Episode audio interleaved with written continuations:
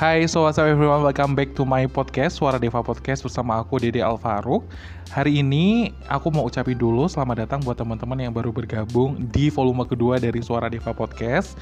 Dan aku harap kamu selalu bahagia dan selalu sehat di masa pandemi sekarang ini ya teman-teman. Amin. Dan hari ini kayaknya bahas tentang masa-masa perkuliahan itu seru-seru banget. Seru-seru banget seru banget pastinya. Karena hari ini aku tidak sendiri. Hari ini aku kedatangan teman aku yang kuliahnya di Bandung nih teman-teman. Pengen tahu siapa dia? Biar kenalan dulu ya teman-teman. Monggo. Halo semuanya, kenalin nama aku Nurul. Ya kebetulan aku kuliah di Bandung. Oke, halo Nurul. Mungkin teman-teman udah pernah mendengarkan di volume kedua di episode pertama itu kebetulan aku membahas tentang uh, menjadi tutor sama Desi sama Nurul. Nah, ini Nurul aku ajak podcast kembali untuk membahas masa-masa perkuliahan nih. Dan kebetulan Nurul kuliah di Bandung dan dia kuliah di mana coba? Di Unpad. Wow, luar biasa banget ya. Nah, aku akan memversuskan antara perkuliahan yang ada di Bandung dengan yang ada di Semarang nih karena kebetulan aku ada di Semarang. Kebetulan kalau Semarang sih ya Rul, kalau menurut aku tuh emang hawanya panas banget dan kebetulan kampus aku UIN tercinta itu kebetulan agak ada di atas tol nih Rul. Jadi kalau misalnya Nurul ke Semarang jangan kaget nih kalau misalnya tuh Semarang itu panas. Kalau di tempat kamu gimana nih Rul? Iya, sebenarnya perlu dikoreksi sih ya. Unpad itu nggak benar-benar di Bandung. Jadi Unpad itu gimana ya? karena dia itu multi kampus jadi ada banyak kampus yang tersebar di beberapa titik terus yang kampus utamanya itu ada di Jatinangor. Jatinangor itu masuk ke Kabupaten Sumedang. Emang sih masih deket sama Bandung tapi ya udah di pinggiran gitu deh. Ya kalau di Jatinangor lumayan sih uh, cuacanya nggak beda jauh sama di Wonosobo sebenarnya.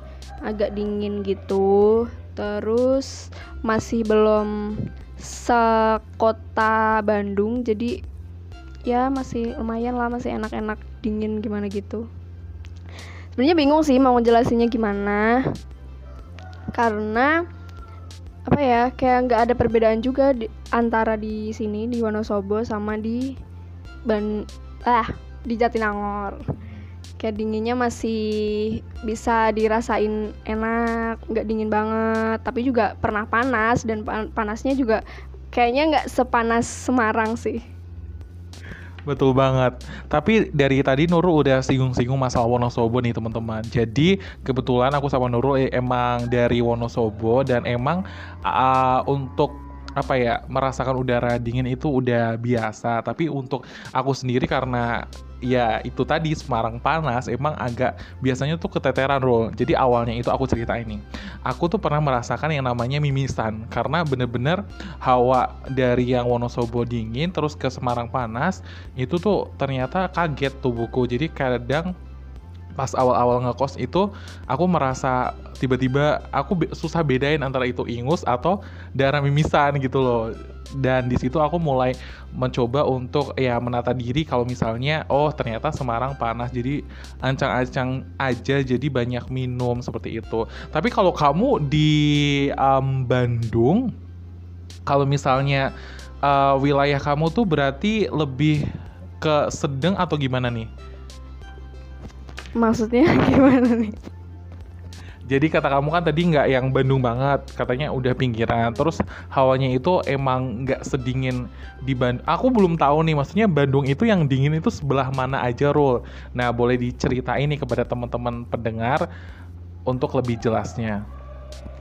Iya, jadi sama sih kayak daerah lain. Bandung itu pasti ada yang panas sama ada yang sejuk gitu. Kalau yang sejuk itu ada beberapa titik kayak di pusat kota misalnya ada di Dago terus di mana lagi ya yang dingin? Ya pokoknya sekitaran itu itu dingin bener-bener sejuk. Meskipun di jalan itu nggak pernah panas gitu deh rasanya. Nah ada juga tuh kalau udah melipir sedikit tuh kayak ke misalnya Cibiru Cimahi dah itu panas sih menurut aku. Terus um, apalagi ya? Kayak yang dingin dingin itu kayak nggak merata gitu sih kalau menurut aku di Bandung. Kayak Bandung daerah sini dingin, terus uh, daerah sebelahnya udah panas banget lagi kayak gitu. Kalau misalnya di daerah aku karena pinggiran, jadi dinginnya nggak sedingin yang di pusat banget gitu loh, nggak nggak yang sejuk silir-silir gitu. Tapi masih bisa dirasain sejuknya meskipun nggak apa ya kayak paling 25 20 gitulah masih masih normal gak sih Iya, kalau misal udah di Bandung kota tuh 20, 21, udah 19 gitu deh. Kalau menurut aku sih. Nih, aku juga kadang susah bedain untuk Bogor sama Bandung roll. Itu tuh emang uh, Bogor itu dalam Bandung atau emang Bogor itu beda wilayah dengan Bandung roll? Itu gimana nih? Oke, sebenarnya Bandung sama Bogor itu masih satu provi provinsi ya, ya, provinsi masih sama-sama Jawa Barat. Kalau misal Bogor itu uh, kayak udah mendekati ke Jakarta gitu loh. Ya meskipun di sana masih uh, dingin, banyak hujan gitu, beda banget sama Jakarta. Nah, kalau Bandung itu agak geseran dikit nih. Nah, jadi kayak pusatnya Jawa Barat tuh di Bandung. Ya di situ kayak yang aku bilang tadi um, ada yang sejuk ada yang panas juga apalagi kalau misal kamu ke Lembang nih di situ wah gila sejuk banget nah kalau Lembang itu berarti lebih uh, deket Bogor atau Bandung ya itu masih Bandung masih bagian dari wilayah Bandung. Cuman kalau apa namanya Lembang itu ibaratnya kayak mm, diengnya Wonosobo. Nah, jadi di situ tuh kayak pegunungan, terus banyak tempat wisata yang apa kayak alam-alam gitu. Terus udaranya ya mirip-mirip lama dia yang dingin-dingin seger gitu dan kebetulan kalau misalnya aku lagi di Jakarta juga mainnya ke Bogor sih nggak sejauh ke Bandung Rul tapi emang apa ya kadang zong gitu kan udah hujan aja di jalan gitu kan ya udah jadinya cuma ke deket-deket situ aja misalnya ke Cimori ataupun yang lainnya. Nah, Rul, uh, biasanya kalau misalnya um, teman-teman kamu vibes-nya itu gimana nih? Aku kan belum tahu nih kalau misalnya anak-anak Unpad itu lebih ke apa ya? Suka hedon apa enggak? Apa lebih irit-irit atau gimana nih? Kalau masalah apa ya tadi vibes ya. Sebenarnya tergantung tongkrongan kita aja sih. Kita mainnya sama siapa terus kita sukanya ke mana. Kalau misal yang hedon banyak. Yang irit juga banyak. Apalagi eh, rata-rata kan anak kosan kan. Jadi mau nggak mau harus irit sih sebenarnya. Kalau misal yang hedon kalau menurut aku nih kayak dia berasal dari mana aja sih? Kalau misal dia berasal dari Jabodetabek misalnya ya kalau menurut aku kayak selingkupan dia teman-teman dia ya anak-anak situ juga. Jadi ya hedonnya ya ya pasti ke bawah ya. uh, pasti ke bawah ke tongkrongan. Kalau misal kayak teman-teman rantau dari dari mana ya? Kayak misal dari Jawa dari Sumatera gitu-gitu ada juga yang yang hedon tapi banyak juga yang irit. Jadi nongkrongnya paling kayak di tempat-tempat pinggiran gitu-gitu sih. Tapi masih asik-asik aja sih kalau misal nongkrong mah. Yang penting teman-temannya siapa kan nggak nggak harus yang uh, di mall apa di mana. Benar juga sih. Tapi kalau misalnya aku sih karena ini ngomongin soal letak ini jadi kalau UIN itu kan kebetulan udah mau uh, deket yang namanya BSB. BSB itu kayak perumahan di Semarang dan kebetulan mereka lagi grow up banget untuk misalnya di sebelahnya udah mau dibangun mall, terus di sebelahnya ada kampus baru Unika di sana. Terus jadinya kayak ke bawah dari bawah itu mau ke atas itu udah kayak banyak deretan untuk tempat-tempat yang hedon. Tapi uh, bener kata Nurul di tempat aku juga masih banyak yang suka apa ya tongkrongan-tongkrongan misalnya kayak angkringan, burjo gitu emang banyak karena lebih ke apa ya mungkin bisa dilihat itu misalnya tanggal sih Rul.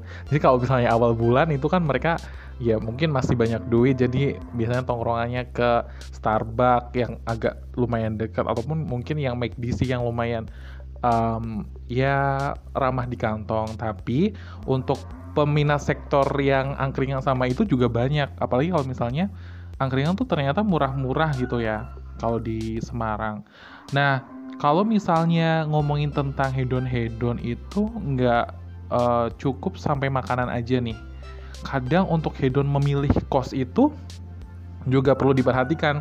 Kalau Nurul sendiri lebih um, gimana nih? Memilih kos yang ada AC-nya atau yang biasa-biasa aja nih, Rul?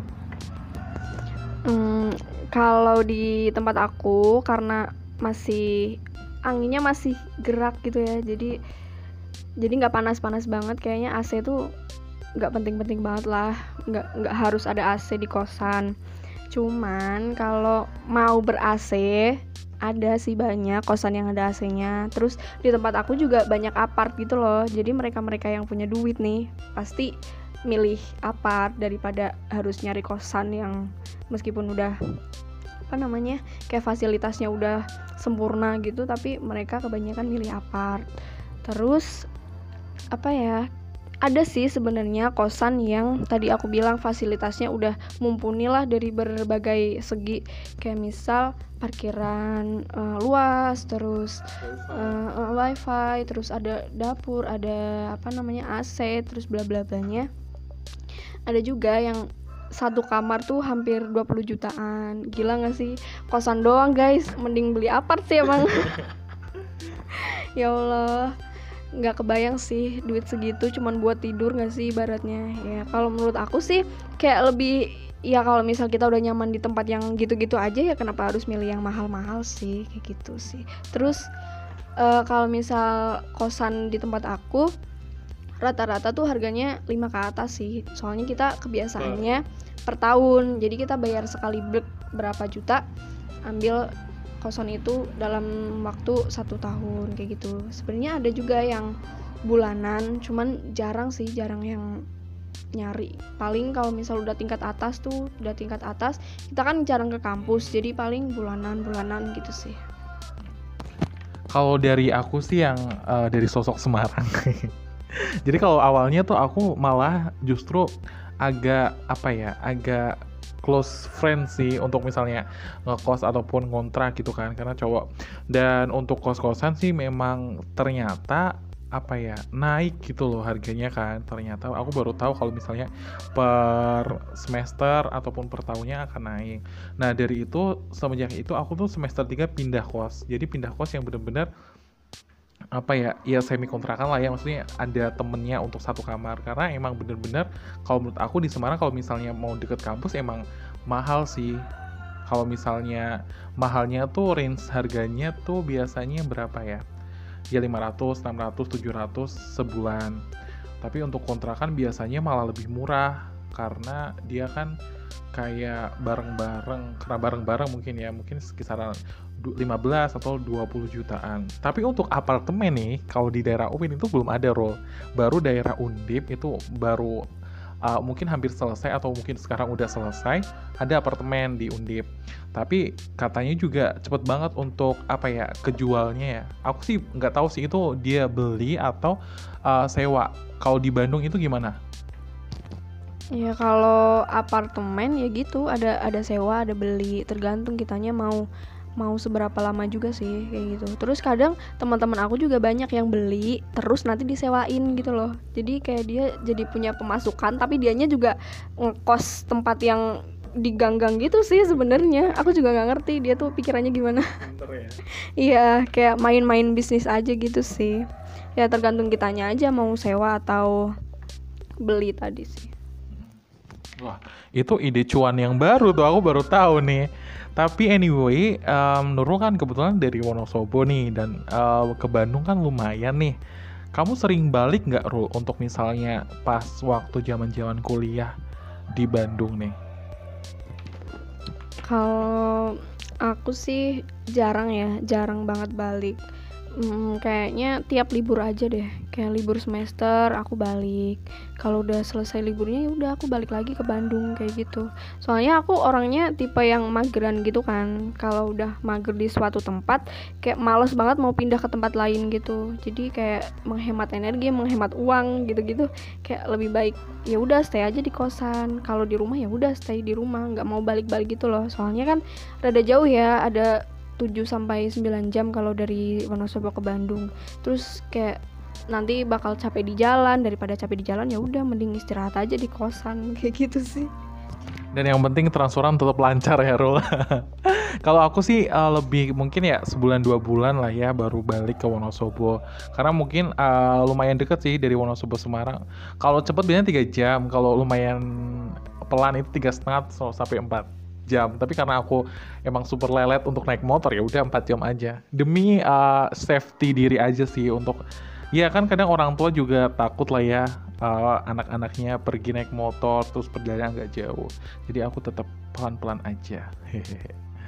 Menyambung dari tadi nih untuk vibes pertemanan sebenarnya uh, untuk memulai kayak misalnya dapat teman baru untuk anak-anak Bandung itu gimana nih Rul?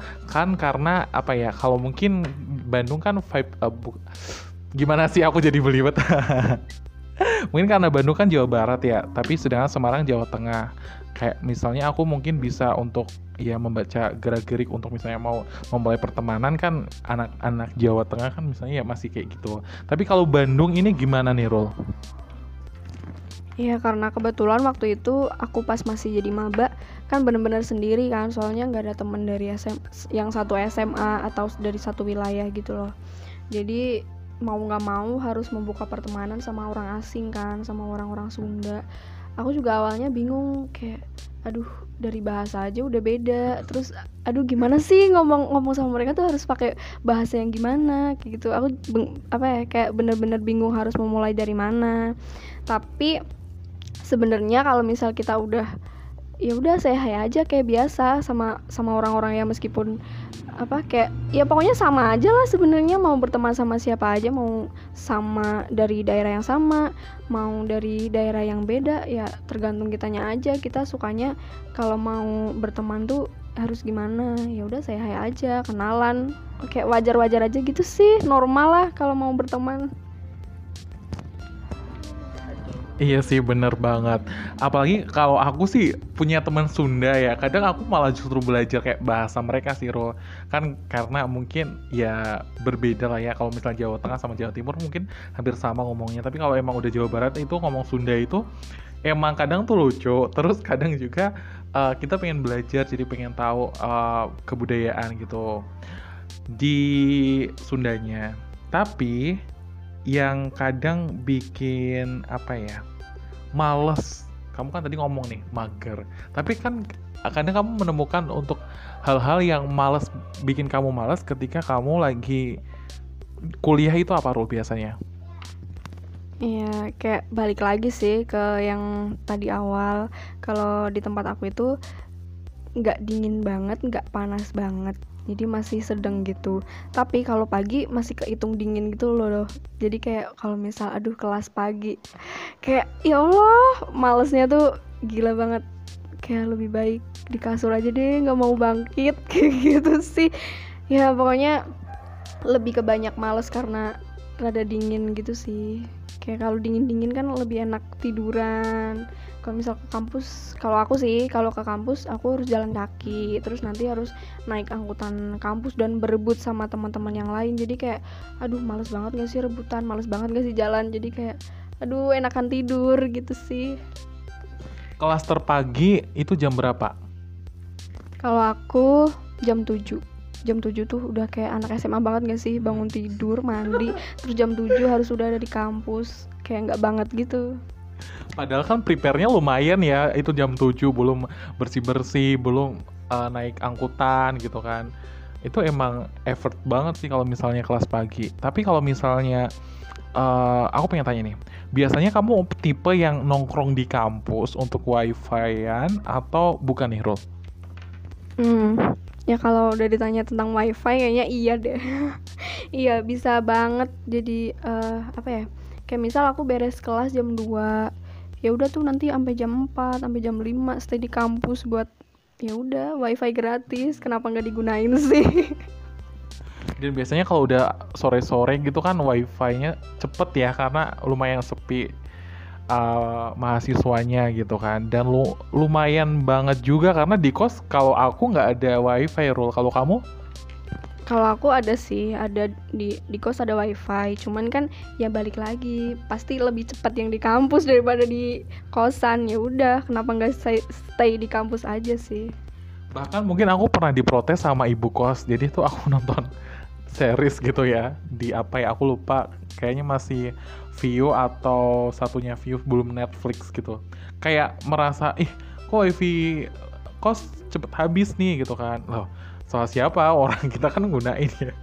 Dari situ akhirnya aku ya udahlah apa ya mencoba untuk tidak nonton-nonton ketika di kos selama biasanya. Jadi ya udah ke kampus aja.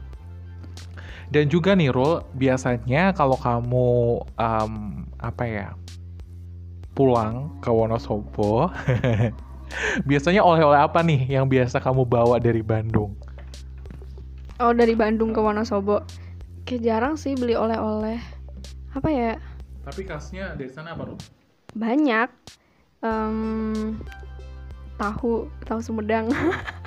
Bukan tahu susu ya? Bukan bukan. Tahu Sumedang. Terus peyem. Apalagi ya? kayak jarang sih jarang bawa makanan dari sana. Soalnya kayak males ah beli-beli dulu males ntar bawanya gitu sih. Kayak aku malesan banget emang. Jangan ditiru ya guys. Tapi kalau misalnya dari Semarang sih aku pernah bawa tahu bakso ya. Aku bingung tahu bakso tuh sebenarnya dari Semarang atau dari mana tapi kadang itu terkenalnya dari Semarang. Sama bandeng presto sih kalau di Semarang. Kadang juga apa namanya bener kata Nurul untuk membawa oleh-oleh kadang aku nggak bawa oleh-oleh bener-bener dari Semarang Nurul. Karena biasanya deket kampus aku tuh ada kayak serabi Notosuman itu kan dari Solo. Aku malah justru bawanya kayak yang bukan dari Semarang ya. Jadi pernah ditanya loh kamu dari Solo? Enggak kok itu beli deket kampus gitu kan dan itu sebenarnya apa ya lebih pada kisah-kisah kita ya Rul ya di masa perkuliahan sebelumnya. Dan karena ini pandemi emang bener-bener bikin ya pusing sih. Apalagi mahasiswa tingkat akhir kayak kita jadi nyibuk menyibukkan diri dengan untuk menyelesaikan. Mungkin eh, apa ya Rul ya pesan kamu mungkin buat teman-teman yang bakalan kuliah di Bandung apa nih pasang kuda-kuda seperti apa yang perlu banget untuk dilakukan ya yang pertama jangan kaget nanti kalau dibilang medok jangan kaget ngapak ya Rul Iya, sebenarnya kalau ngapak nggak nggak kelihatan kalau ngomong bahasa Indonesia. Cuman kalau misal medok udah tuh kacau. Ngomong juga aja juga gitu. Pokoknya nanti jangan kaget kalau misal dibilang medok. Terus kalau di sana kan kayak kasar gitu loh. Le- apa pembicaraannya lebih kasar daripada di di Jawa. Meskipun di Jawa kasar tapi kayak untuk ngomong sama orang baru, ngomong sama orang lain pasti kayak kita ngajeni apa ya ngajeni itu kayak menghormati Mm-mm, ada tata keramanya sendiri. Kalau di sana tuh kayaknya enggak deh. Karena sama, mungkin sama-sama mahasiswa gitu iya jadi kayak ngomong maaf nih aku contoh aja. Kalau misal kita kan masih aku kowe atau aku aku kowe atau apa ya kayak yang gitu gitulah masih Heeh. masih dasar kan. Cuman kalau di sana kayak udah aing maneh gitu-gitu itu kasar Oh, banget. itu kasar. Itu kasar banget. Makanya kalau misalnya orang ngomong aing macan itu kasar. Itu sebenarnya ya lumayan lah. Nah ya gitulah pokoknya. Itu artinya apa Rul? apa? Aing. Aing itu aku tapi itu bagian paling kasar. Kalau maneh itu kamu dan itu ya udah udah kasar lah pokoknya kayak kalau sopanya gimana tuh? Aduh aku juga nggak nggak ini sih nggak hafal. Kalau kalau nggak salah nih kalau aku tuh abdi atau Oh, apa ya? Kalau kamu aku lupa deh apa. Pokoknya gitu deh. Kayak siap-siap menerima hujatan-hujatan padahal itu bukan bukan hujatan gitu deh. Kayak mempersiapkan mental sih lebih ke ya udahlah karena emang di sana kasar udah kita menerima aja. Tapi nanti kalau udah kebiasaan pasti ikut ikutan. Tapi kalau misalnya mau ke Semarang sih tetap ya masih apa ya kalau misalnya teman-teman Jawa kuliah di Semarang ya lumayan. Itu sih mungkin ada kasarnya juga sih. Kayak apa ya aku juga lupa nih udah lama banget gak ke Semarang. Ya pokoknya jaga ya jaga tata krama kita ya. Maksudnya kita misalnya bukan dari daerah situ emang harus mencoba untuk membuka diri juga untuk belajar budaya baru. Nah, aku mau terima kasih buat Nurul nih. Ternyata waktunya udah lumayan panjang banget. Mungkin Nurul mau uh, promosi Instagram? Kayak kayaknya udah pernah sih, tapi nggak apa-apa ya. Eh, kalian boleh follow Instagram aku di @nuruloktau. Nurul Okta tapi belakangnya pakai W. Dan Nurul mungkin juga ini ya guys, EKE aja bisa nerima desain-desain. Wah, tinggal di MDM aja itu di follow dulu ya. Dan terima kasih buat teman-teman yang udah dengerin podcast aku hari ini. Uh, Maaf-maaf apabila ada salah-salah kata ya teman-teman ya. Dan semoga hari kalian hari ini semakin baik dan kalian bisa selalu semangat dalam hari-hari kalian. Wah, terima kasih. Sampai jumpa. Bye-bye.